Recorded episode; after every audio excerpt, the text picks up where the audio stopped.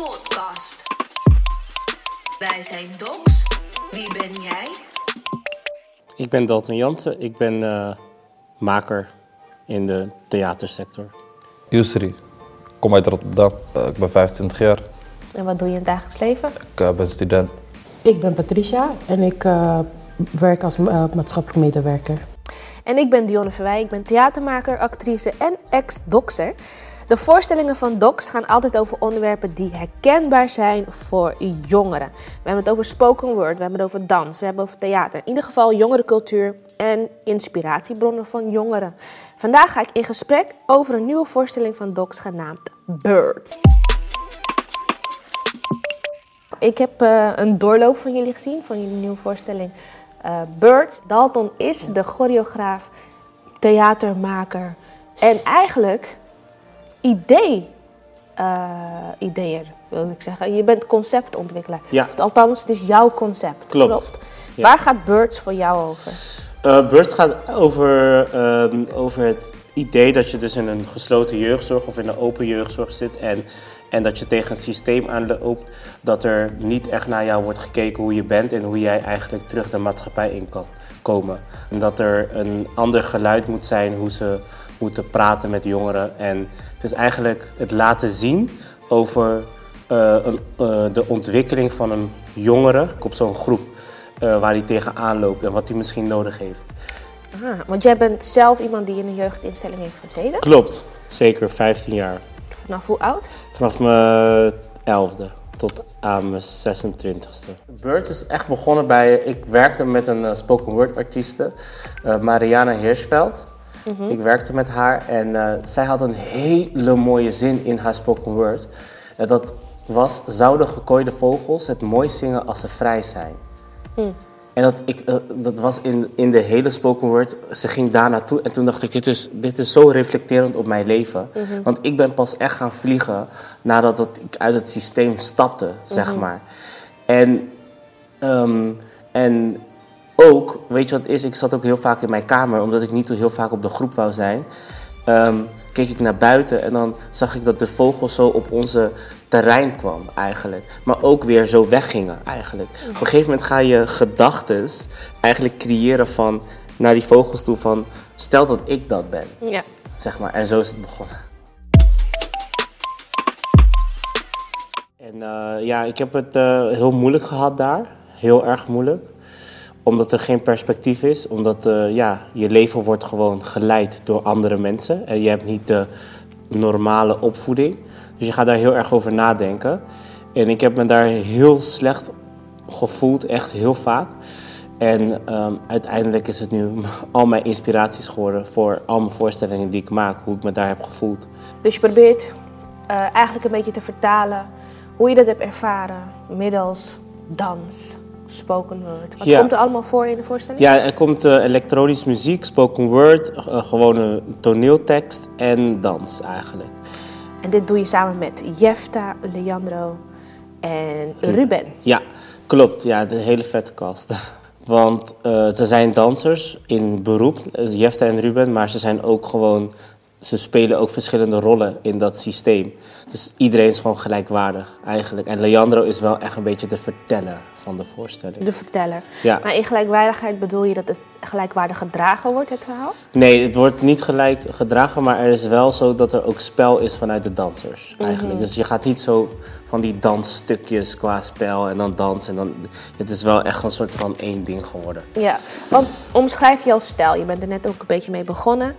Eh, je bent van huis uit, of van huis uit beroep, Ja. ben jij danser slash choreograaf. Ja, ik ben eigenlijk danschoreograaf. Dat is mijn eh, werk. En dit is, wordt mijn eerste multidisciplinaire voorstelling. Gewoon met echt een toneeltekst en een spoken word erin en een acteur. Dat heb ik eigenlijk nog nooit gehad. Eh, ik wil mezelf ook niet zetten als theatermaker gelijk, omdat ik gewoon echt wel vanuit mijn dansperspectief nadenk. En, maar nu wou ik gewoon voor, dit, voor deze voorstelling iemand hebben die goed die jongen of die, dat meisje, het maakt niet uit, want het is een universele voorstelling geworden, eh, die dat het beste kan vertellen eigenlijk. Want ik denk met dans ga ik het niet helemaal opgelost krijgen om te laten zien hoeveel mensen dat tegen het systeem aanlopen. Dus daarom wou ik ook een volgende stap maken om met een acteur te werken. Dus de vertaling van jouw ervaring in jouw jeugd, en middels een voorstelling, interdisciplinair, Ja, drie castleden op het podium. ja. Jouw idee, inspiratiepunten van Patricia. Ja, nee, niet alleen van Patricia. Eh, ik heb eh, met Patricia ook in dezelfde eh, instelling gewoond. Ehm, en ja, ik ben gewoon aangegaan van haar verhaal. En ik heb bepaalde mensen geïnterviewd die in de jeugdzorg hebben gewoond. En misschien ook iets terugdoen of werken. En dan heb ik geïnterviewd. En eigenlijk het verhaal van Patricia, hoe zij een verleden heeft gehad. eh, best wel fucked up eigenlijk. En toch haar draai heeft kunnen vinden uit het systeem. Want daar gaat de voorstelling over ook. Dat het, tot je, dat het je aan het nadenken zet van... Oké, hoe, hoe, hoe een jongere zich ook kan, ehm, uiteindelijk hoop kan vinden. En daar staat ook Birds voor, zeg maar. Birds gaat over dat ze lekker kunnen gaan vliegen. Ja, daar gaan we nog op terugkomen. Eh, heb jij iets al gezien van deze voorstelling? Die heb ik nog niet gezien, nee. Nee. Maar kan jij je voorstellen dat ik ehm, middels jouw verhaal iets creatiefs op het podium neergezet kan worden? Eh, ja, ik vind het wel heel belangrijk om hoe hij het, hoe hij het zegt, om jongeren te laten zien van, eh, dat hij niet alleen voor staat. Het is iets wat dat je, want ik snap het, want je, je, je, je schaamt je, je durft niet aan iedereen te vertellen, jouw problemen. En, en het, is wel een, het is wel leuk om, mee te, om aan iedereen te laten zien van, je bestaat niet alleen voor, je hebt, ik heb ook meegemaakt om een betere leven te, te geven aan iedereen. Dus met jouw verhaal wil je eigenlijk eh, de boodschap uitbrengen, joh, er is hoop. Ja, Je en als je echt iets wilt, dan ga je ervoor. Want dat is wel iets wat ik, ik zelf heel erg belangrijk vind. Is dat wat je eruit hebt kunnen halen van je ervaringen binnen zo'n jeugdinstelling?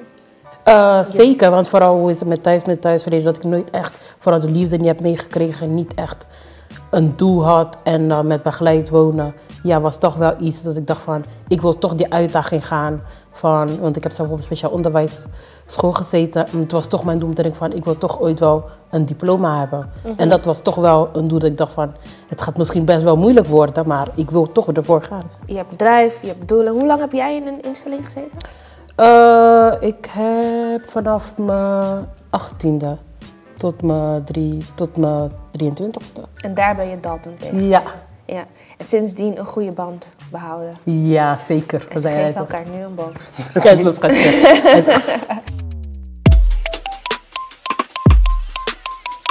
En jij kent Dalton al een tijdje.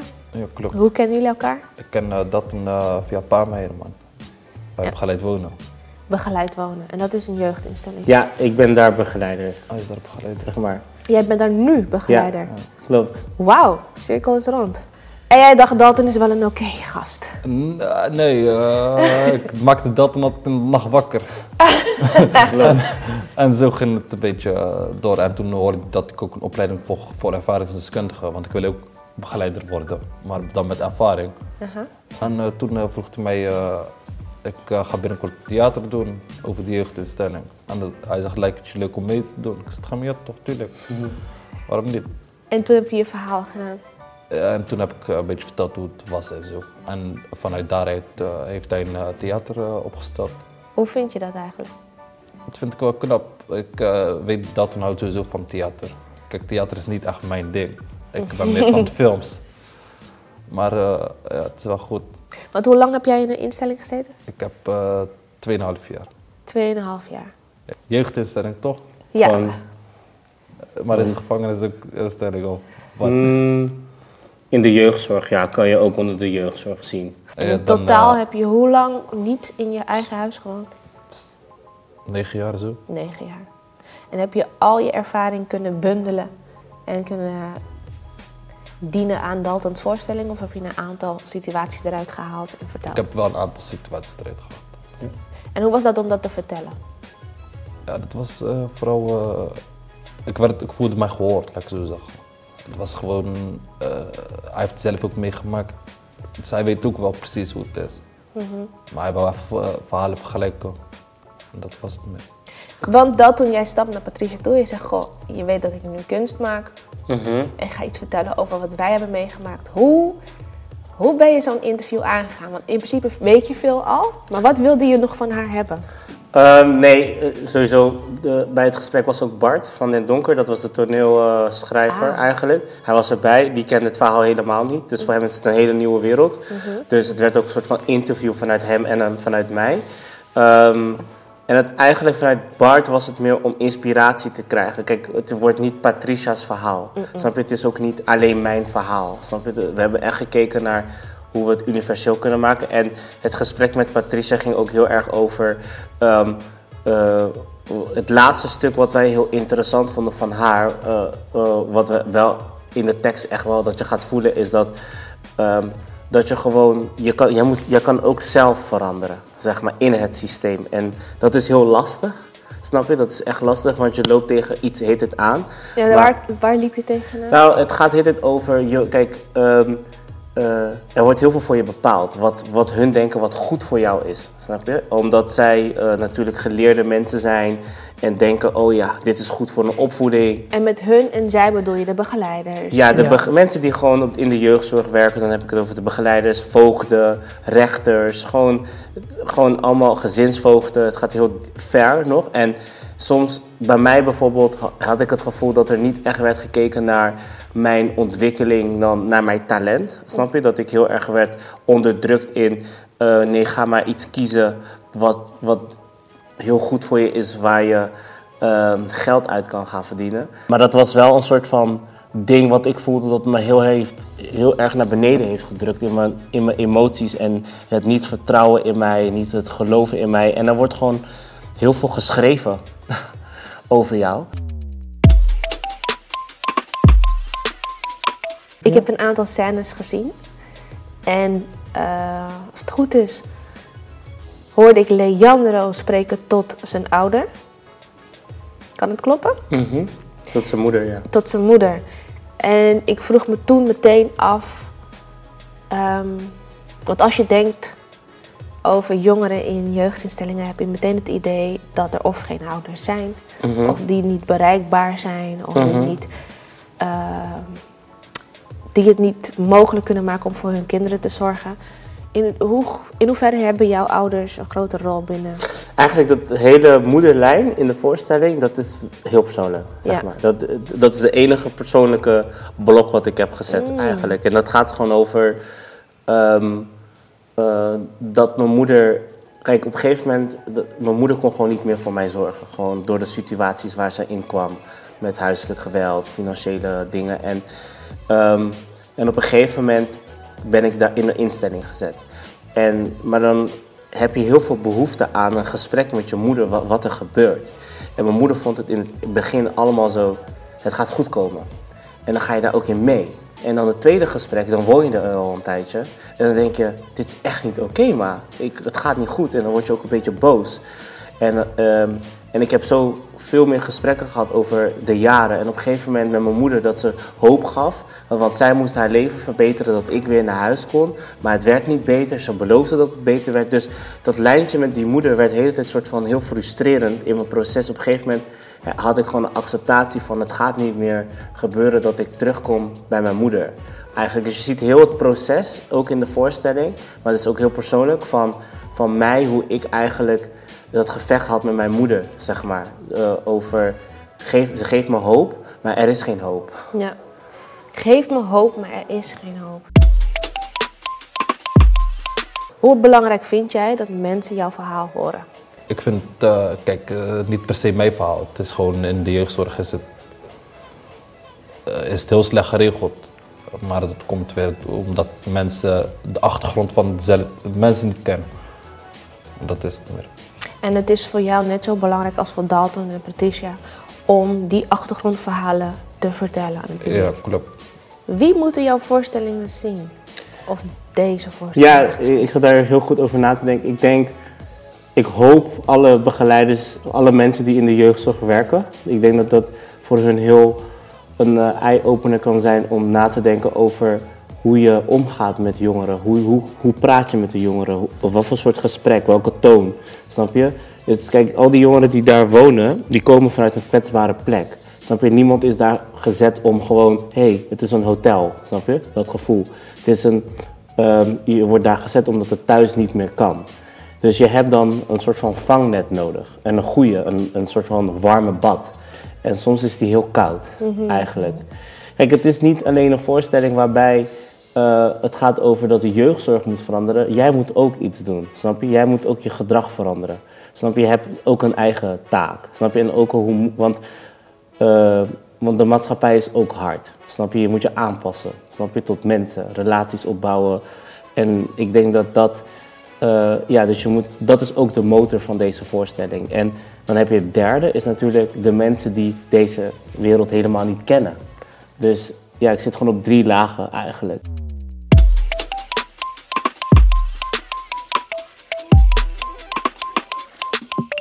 Gaan een kleine quiz doen. En het is een multiple choice ehm, quiz. Dus we hebben één vraag en dan kun je, heb je meerdere antwoorden daaronder. En dan ben ik benieuwd of jullie het antwoord weten. Het gaat over vogels. Zijn jullie klaar? Ja. Ja, oké. You sure? Oké, vraag nummer 1. Waarom hebben vogels veren? Is dat A. Om te vliegen, vasthouden van warmte en hun uiterlijke vertoon? Of B. Vliegen, vasthouden van warmte en het afstoten van warmte? Ah, Ik denk ook Ah. A. Dat klopt. Het is A. Het gaat ook om hun uiterlijke vertoon. Wisten jullie dat? Ze moeten swag hebben om te Ja. kunnen communiceren. Dat wist ik, ja. Geldt dat ook voor jullie?